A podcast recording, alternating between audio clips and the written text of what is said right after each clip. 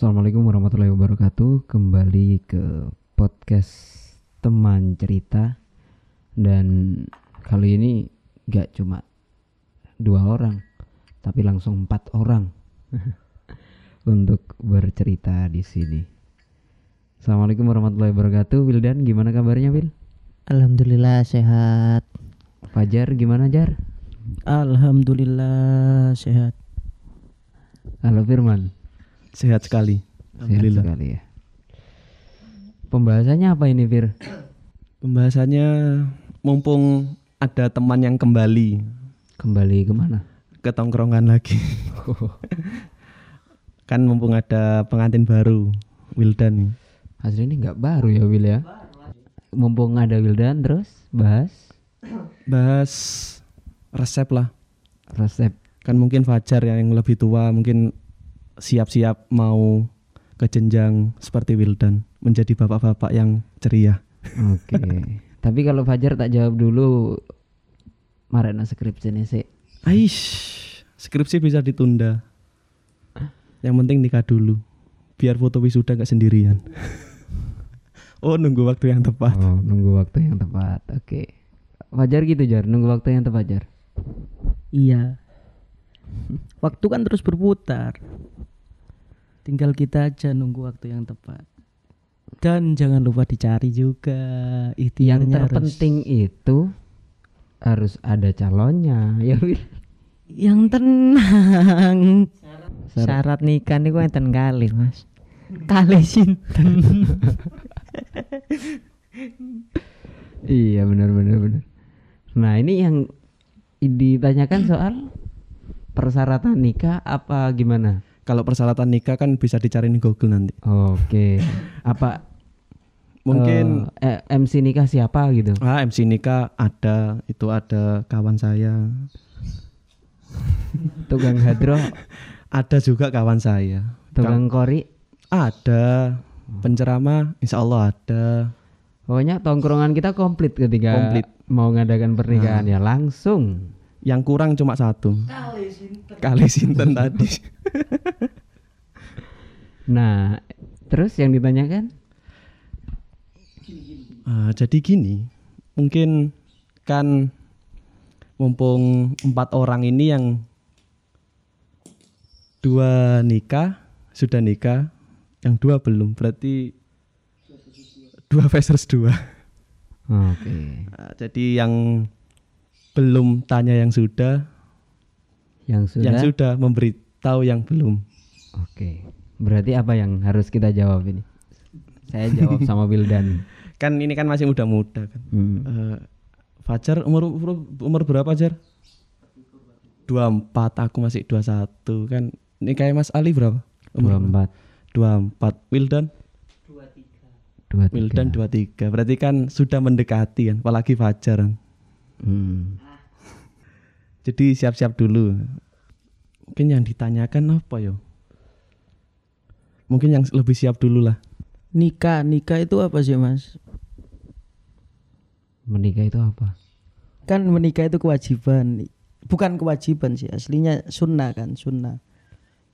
Melengkapi sepertiga dari iman kita. Hmm. Iya Wil. Setengah apa sepertiga, Mas? Mau menikah itu apa? Menikah itu mengikat lahir batin antara seorang laki-laki dan perempuan untuk menjadi suami dan istri dalam rangka membentuk keluarga yang sejahtera dan harmonis berdasarkan Al-Qur'an dan undang-undang.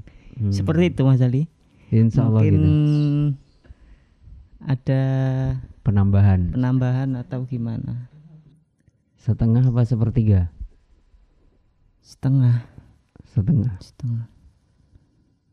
Eh, belum afdol. Belum afdol. Makanya kan kalau bagi yang bujang-bujang ini ngenteni opo kan gitu. kalau dalam istilah kaidah fikih jika cinta hanya dimaknai dengan sebuah kata Lantas apa daya ketika mulut tak lagi da- dapat bicara Jika Hmm. cinta hanya dimaknai dengan sebuah lafaz Apa daya jika tidak dibuktikan dengan sebuah akad. Nggih, Wah. mboten ngoten Mas Ali. ya ora nggih. Iya benar benar benar. Jadi kayak yang jomblo biar punya ketertarikan. Ayo. Ngenteni opo sih? Hmm. Ngent kesuwen ya bakal rabi, cepet ya bakal rabi kan ngot ngoten. Hmm. Ngenteni opo? Salah entek perawan ning dunya iki, Mas. Eh, dunya wis tuwek, aja suwi-suwi. Gimana jar? Masuk, masuk. Iya. Benar-benar. Melengkapi sepertiga iman dari diri kita berarti. Insya Allah gitu. Eh, setengah, setengah, setengah keimanan dari kita. Eh, karena ketika menikah itu kan eh kita percaya ya se- sebenarnya nggak nggak harus dengan menikah pun gitu kan kita percaya bahwa semuanya sudah ditentukan sama Allah. Apalagi ketika sudah menikah gitu kan. Ada yang bilang katanya menikah itu tidak ada perhitungan gitu kan. Mencintai itu nggak ada karena. Karena ini karena itu dan lain-lain. Iya. nah iya. ketidakadaan karena ini menuntut kita untuk benar-benar yakin kepada apa yang telah eh, Allah gariskan gitu kan tidak khawatir akan mungkin rizki tidak khawatir untuk eh, tidak bisa makan dan lain-lain gitu kan. Katanya Firman ketika kita tidak yakin kalau besok tidak bisa makan berarti kita sudah mencacat Allah gitu. Iya. katanya gitu katanya Firman sih. Saya sih cuma ngopi gitu kan. Dan kalau ngomongin nikah memang perhitungan-perhitungan itu ya sewajarnya kita manusia lah. Tetap memang harus berhitung harus harus eh, menimbang gitu kan. Termasuk ini menimbang kepada si, eh, dengan siapa kita menikah gitu. Pasti semuanya kan punya pilihan kan? Nggak mungkin pokoknya ada gitu Wildan setuju nggak Will pokoknya ada ya saya nikah gitu Ya enggak sih. Kalau menikah kan pasti punya tujuan. hmm, nah, Tujuannya untuk menikah itu apa? Kan seperti kan nggak mungkin kita syukur-syukur mau wis nikah. Karena menurut saya menikah itu kan bukan cuma untuk satu hari dua hari, tapi kan untuk selamanya. Nah, Hmm. Dari itu kan jangan sampai kita salah dalam memilih hmm, hmm, hmm. wanita kan seperti itu. Iya. Walaupun suatu ketika barangkali kita terhenti di tengah jalan ya ini proses kehidupan gitu kan.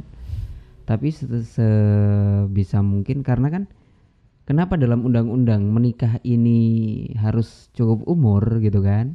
Harus sehat dan cukup umur, sehat jasmani dan rohani dan cukup umur. Karena memang kewajiban kita dituntut di sana. Kesadaran kita untuk tetap me- melindungi satu sama lain, tetap melengkapi satu sama lain, tetap menjalankan eh, kewajiban satu sama lain. Nah ini kalau orang belum cukup umur belum bisa kayak gitu. Apalagi eh, menikah ini tidak diwajibkan untuk binatang kan gitu. Iya. Karena binatang tidak bisa berpikir, Iya. Berpikir untuk melindungi satu sama lain. Ya walaupun ada binatang yang eh, kayak apa? Buaya, buaya itu kan menikah hanya satu dengan satu wanita kan? Iya. ya gitu nah di yang lain-lain wah pokoknya kawin gitu kan kalau binatang gitu makanya menikah ini kepada manusia cukup umur dan mampu untuk berpikir secara bijak makanya diwajibkan untuk ma- manusia kayak gitu sih kalau dari saya. Jadi nanti kalau memang udah siap ya monggo gitu. Gas aja. siap siap nggak siap ini juga tergantung ini yo. Nggak ada batasan gitu loh. Siapnya apa sih gitu kan? Saya harus punya uang 1 m baru siap menikah. Ya nggak gitu juga gitu kan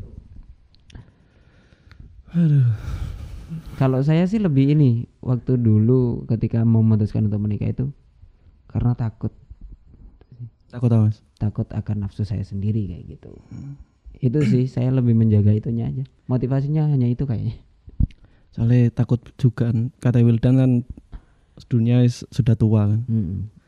Di Arab juga rumput lagi subur-suburnya.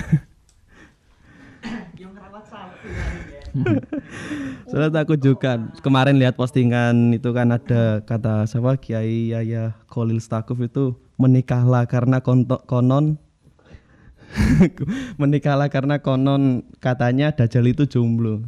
Takutnya kalau jomblo lama-lama itu spek-spek sudah saja. Heeh. eh ini disclaimer ya untuk teman-teman yang mungkin memutuskan tidak menikah ya nggak apa-apa lah rek ya gak apa-apa. Itu pilihanmu gitu kan? Berarti eh, ada sesuatu fungsi yang memang tidak Pergunakan. dipergunakan ya nggak apa-apa sih. Itu pilihan gitu loh. Iya. atau teman-teman yang sampai saat ini masih eh, mencari jodoh tapi belum ketemu-temu eh, barangkali bisa hubungi saya untuk taarufan. Oh, siap. tapi eh, gini gini. Ini saya garis bawahi dulu karena memang mungkin ada di luar sana teman-teman saya yang sampai di usia saya belum menikah eh nggak perlu dimasukkan hati perbincangan kita malam hari ini gitu kan? Iya, iya. karena memang mungkin proses kita masing-masing beda. Ada yang cukup sulit gitu mengenal seorang wanita ada. Mungkin ya karena banyak pertimbangan atau kan biasanya ada pendiam gitu kan. Akhirnya dekat sama wanita grogi dulu akhirnya Hah? contohnya perasaan sebelum menikah berapa Wil udah Wil sebelum menikah udah berapa pacaran berapa kali kamu eh sejak SD katanya Angel. ya. Tidak pernah sih. Kalau kalau gimana ya? Kalau pacaran lupa saya. Lupa. Dulu mungkin wis saking banyaknya enggak. enggak Saya memang pecinta wanita tapi saya bukan buaya. oke Nyambe. kalau Fajar mungkin 30 ya karena kemarin di podcast podcast lainnya mantan Fajar ada berapa gitu menyebutkan 30 ya karena ketika saya putus itu saya hitung tahu kan itu video viral itu Fajar set Oh, pacar set. Pacar set. kalau ini insya Allah nggak set ya. Set setan ya terus kembali lagi ke topik apa yang ingin ditanyakan Kalau aku sih ditanyakan nih mungkin kan nggak tahu proses si Wildan, Mas Ali gitu kan untuk mau nikahnya. Jodohnya pun gimana? Mungkin dicariin model gimana nggak tahu juga spek-speknya itu gimana harus apa gitu kan harus bidadari kayak harus Wonder Woman kayak yang mana? Kan nggak tahu. Tapi yang saya tanyakan sih sampai-sampai ini kan nikah muda gitu. Di umur-umur kurang dari 25 tahun. Tapi keinginan saya emang insya Allah lah. Hmm. amin toh. Amin amin. Nikah di umur 25 kan insya Allah Hmm. siap pastilah. Nah kan eh, dari pengalaman-pengalaman kan nggak tahu juga apa nikah itu harus pacaran dulu gitu. kan saya nggak tahu gitu kan Mm-mm. tapi kan lebih baik daripada dipacarin kan lebih baik dinikahin Mm-mm. tapi kata-kata orang yang sudah nikah kayaknya tapi dari sampean itu eh, nikahnya itu sebelumnya itu mengenalnya dari proses apa itu Eh, dari Mas Ali mungkin pacaran kayak dari Wildan atau taaruf kayak atau gimana gitu kan Wildan Monggo Wil saya kan gak tahu gitu dijawab Wil kalau saya nanti panjang ini Ya kalau dari saya sendiri sih proses kenal dulu ketemu punya sama istri gitu. Ya bukan apa ya. Yes kayak gak nyangka aja bisa moro-moro ketemu. Bahkan saya dulu kan gak kenal awalnya. Sama ke maksudnya meskipun saya anu ngono ndak tahu ke orangnya ke mukanya atau pas orangnya yang mana gitu saya kurang tahu. Tapi dia tahu saya gitu. Dia tahu saya tapi saya sendiri tidak tahu. Ya itu akhirnya kan ya. Ya wes jalani jalani. Awalnya kan ya cuma sekedar teman lah. Bukan awalnya saya coba-coba enggak. bukan coba-coba sebenarnya. Terus kan ada omongan juga dari orang tua. Ayo gak anu ta? Alah gampang. Gampang. Saya selalu bilang gampang gampang. Akhirnya lambat laun ya punya rasa gimana ya saya tak tak, tak anu juga orang. Ya wis eng- engkau bengi tak gowo mrene yo. Awas tapi ngamuk. Ya kan biasanya du, kalau dulu kan ya tidak boleh memang. Bahkan pernah gonceng tetangga saya sendiri timur rumah gitu. Ceritanya kan mau beli ke toko bude saya. Jadi nunut lah gonceng sepeda. Dikira saya yang gonceng cewek lain gitu. Hmm.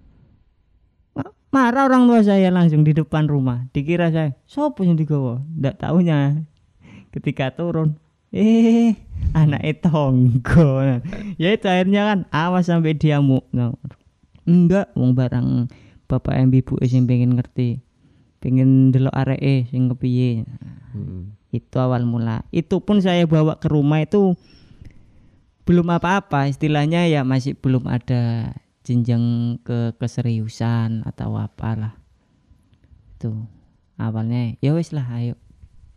Melo tak kenal no nah dari sana muncullah kan gimana ya namanya takdir ya. Akhirnya muncullah. Gini Hmm. gini gini berjalan. Dan orang tua sudah tahu gimana anaknya. Saya sendiri ya tahulah gimana. Bismillah. Nah ketika itu kan orang tuanya dari istri saya juga meninggal. Hmm. nah dari itu juga orang tua langsung maksa wis ndang jaluen sakno anak yatim. Yatim mbok gantung ae. Nah, keadaan saya dulu kerja itu pas habis resign karena ada kecelakaan kerja lah. Hmm. patah kaki saya kan dulu habis kecelakaan. Akhirnya saya mem- memutuskan untuk resign lah. Nah di sana ada anu dari orang tua disuruh wis jaluan. Ya sih gampang. Karena kesusu nguber opo? Saya Hmm. gitu kan sakno nah anak yatim. Nah ibu anu. Iya memang sih ta. Saya pernah punya omongan ke hati saya. Iya wis engko ae mari-mari lebaran. Kan jaraknya dulu mau ke anu kan masih lama kurang berapa Hmm. bulan. Ese mari lebaran. Tenang ae tak jaluk tak jaluk mari lebaran. Saya gitu kan. Ojo ngenteni lebaran paribasan sesuk oleh pegawaian sesuk tak jaluk. Saya gitu Hmm, kan ngomong di dalam hati. Nah dilalah. Dapat satu minggu atau kalau ndak dua minggu Hmm. saya dapat panggilan. Hmm. interview.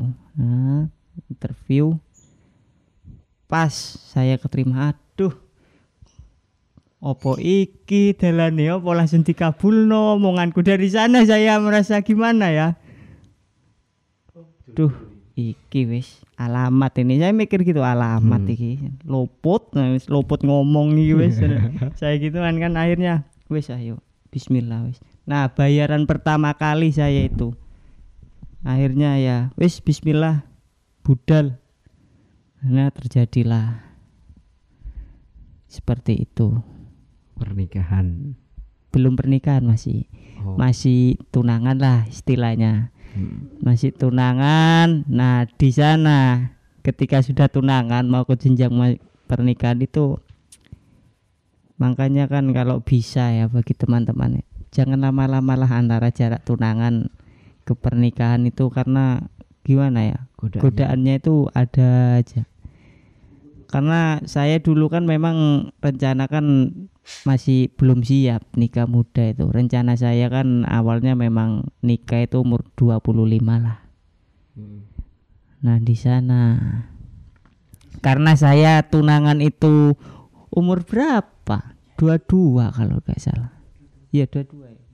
dua-dua ya di sana. Ya wis kok ae. Berarti dua tahun. satu tahun satu tahun tunangan Hmm. awalnya kan saya masih pengen mundur sih lah. Gampang-gampang. Ya kalau dari pihak cewek sebenarnya sih fan-fan aja. Maksudnya gak gak terlalu ngebet lah mas. Istilahnya ayo kapan ayo kapan? Ndak alhamdulillah. Cuma kan kayak dari keluarga saya sendiri ngerasa gak enak ayo gak sakno ta anak wong mbok gantung. Saya bilang iyalah gampang ae lah. Seta sik kepengen anu sik pengen dolen lah istilahnya masih pengen main masih belum siap.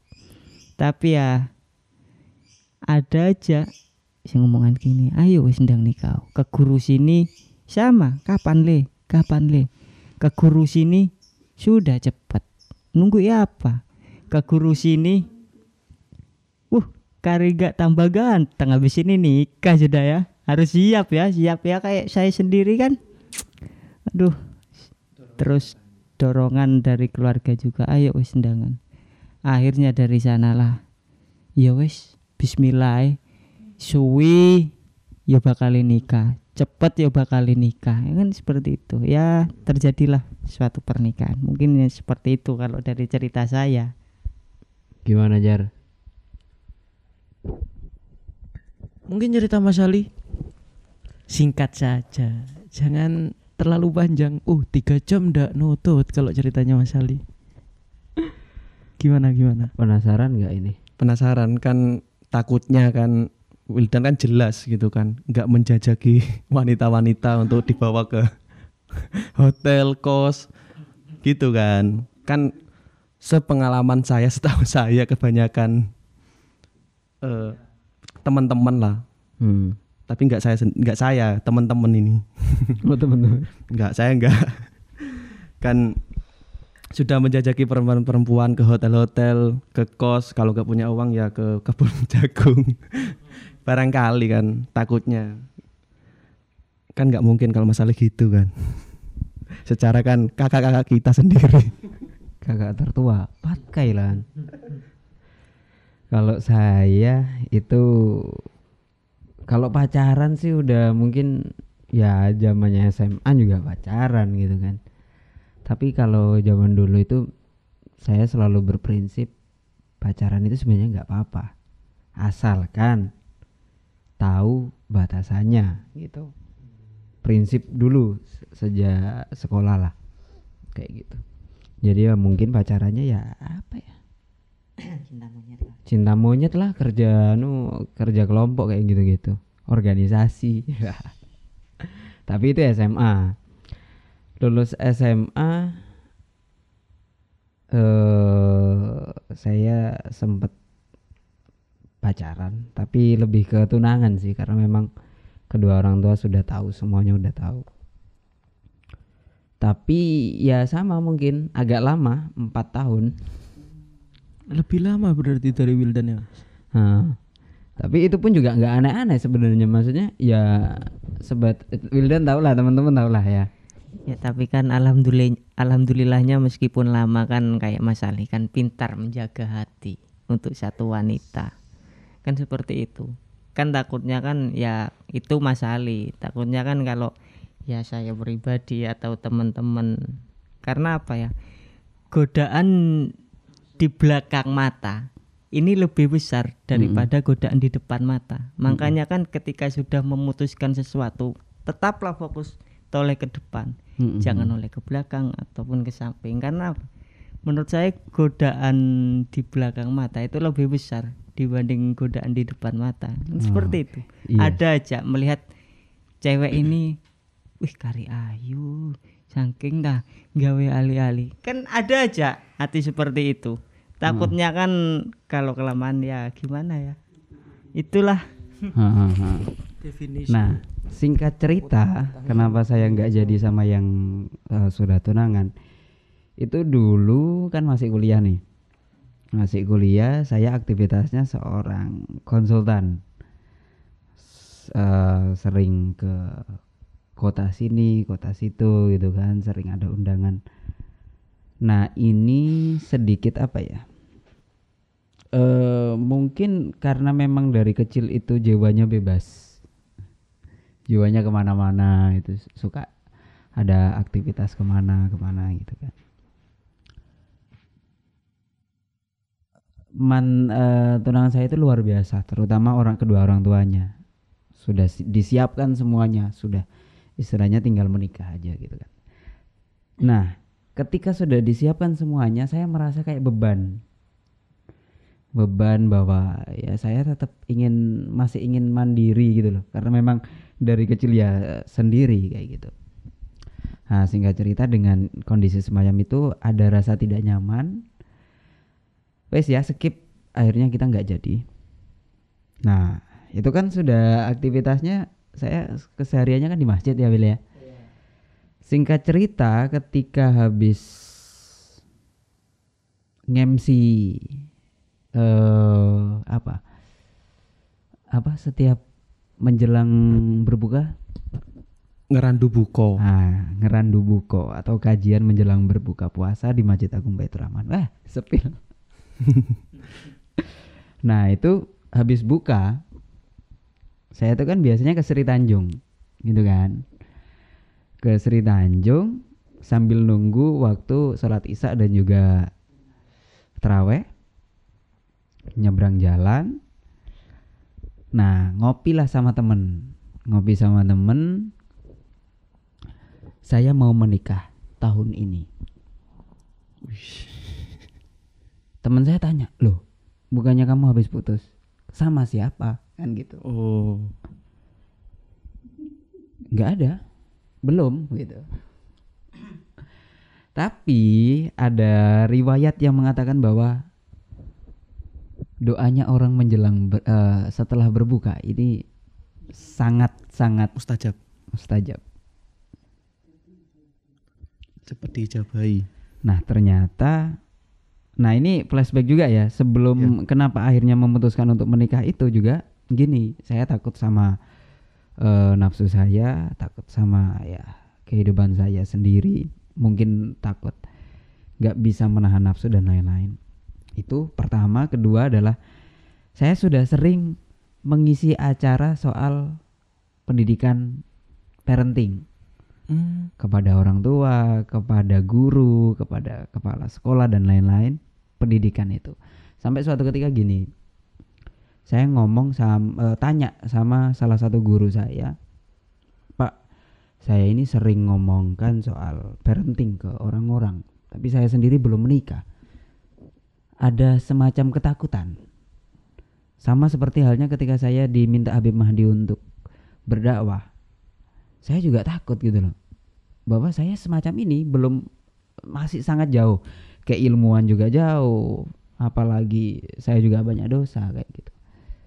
Nah dari sana ketakutan-ketakutan itu sama guru saya diginikan yang penting kita punya ilmu kita kasihkan ilmu itu walaupun setetes gitu kan. Ketika bisa diterima dan bermanfaat untuk mereka ya kenapa tidak gitu. Karena kalau ngomongin soal ilmu ketika kita dinasihati anak kecil ketika itu benar ya perlu untuk kita eh, cerna kan gitu kan. Nah dari sana akhirnya tapi nggak enak rasanya kalau saya belum menikah. Itu akhirnya menjadi satu momen ketika saya memutuskan untuk oke saya menikah tahun ini Tapi bukan gara-gara dorongan, gara-gara sampean apa berikan materi-materi itu. Kayak malu gitu, enggak kan? ya ada rasa kayak malu Hmm. dan lebih besarnya adalah ketakutan sih ketakutan ya pada diri saya sendiri Berarti pendengarnya pemateri yang eh yang apa pendengarnya saat sampean materi bukan kayak Fajar. kenapa Kalau Fajar kan percaya yang apa Jar? Undur undur mangkola, wala tandur mangkal. wala tandur mangkola. kan gak percaya itu mungkin. Tapi alhamdulillah eh, ketika memberikan materi ketika tahu saya belum menikah juga nggak masalah sebenarnya karena alhamdulillah juga dari dulu sebelum menikah sudah punya apa ya Anak. istilahnya anak asuh kayak gitu, Oh. gitu. Sudah sering mengajar lah intinya itu. Nah singkat cerita itu akhirnya memutuskan untuk menikah dan yang saya cari. Nah, karena ini berawal dari konsultan dan seorang guru abal-abal. Ya. akhirnya kan mencari ibu yang nantinya ingin harus mewujudkan apa yang menjadi ekspektasi orang-orang bahwa anak saya juga harus seperti itu gitu. Kan karena biasanya gini Will ya. Seorang kiai atau ustadz gitu kan akan takut ketika atau akan banyak omongan di luar ketika anaknya tidak sesuai dengan gambaran ketika ia mendakwahi banyak orang kan gitu kan. Nah itu saya sendiri juga kayak semacam apa ya eh, ketakutan personal sih. Saya takut kalau seandainya anak saya tidak sesuai dengan harapan atau ketika saya takut mendidik anak tidak sesuai dengan apa yang diajarkan bahwa oh anak ini stepnya kayak gini-gini mendidik anak itu seperti ini. Saya ditakutkan adalah hanya pintar teori kayak gitu kan nah, akhirnya carilah salah satu wanita yang memang menurut saya tepat untuk bisa menjadi eh madrasah pertama untuk anak Terus saya. pertama. Yaitu mitra saya sendiri di sebuah yayasan di mana saya mengabdi untuk menjadi eh, kakak atau ya bisa dikatakan kakak lah ya lebih tepatnya untuk anak-anak yang mendapatkan beasiswa dari yayasan saya kayak gitu. Ada satu partner di sana yang kemudian kita sering ngobrol, sering ngobrol bagaimana mendidik anak, bagaimana untuk eh, membentuk anak ini menjadi soleh atau soleha kayak gitu. Nah saya berpikir bahwa oh ini wanita yang Cocok. cocok gitu kan. Nah singkat cerita saya ngomong ke dia untuk ingin melangsungkan pernikahan itu.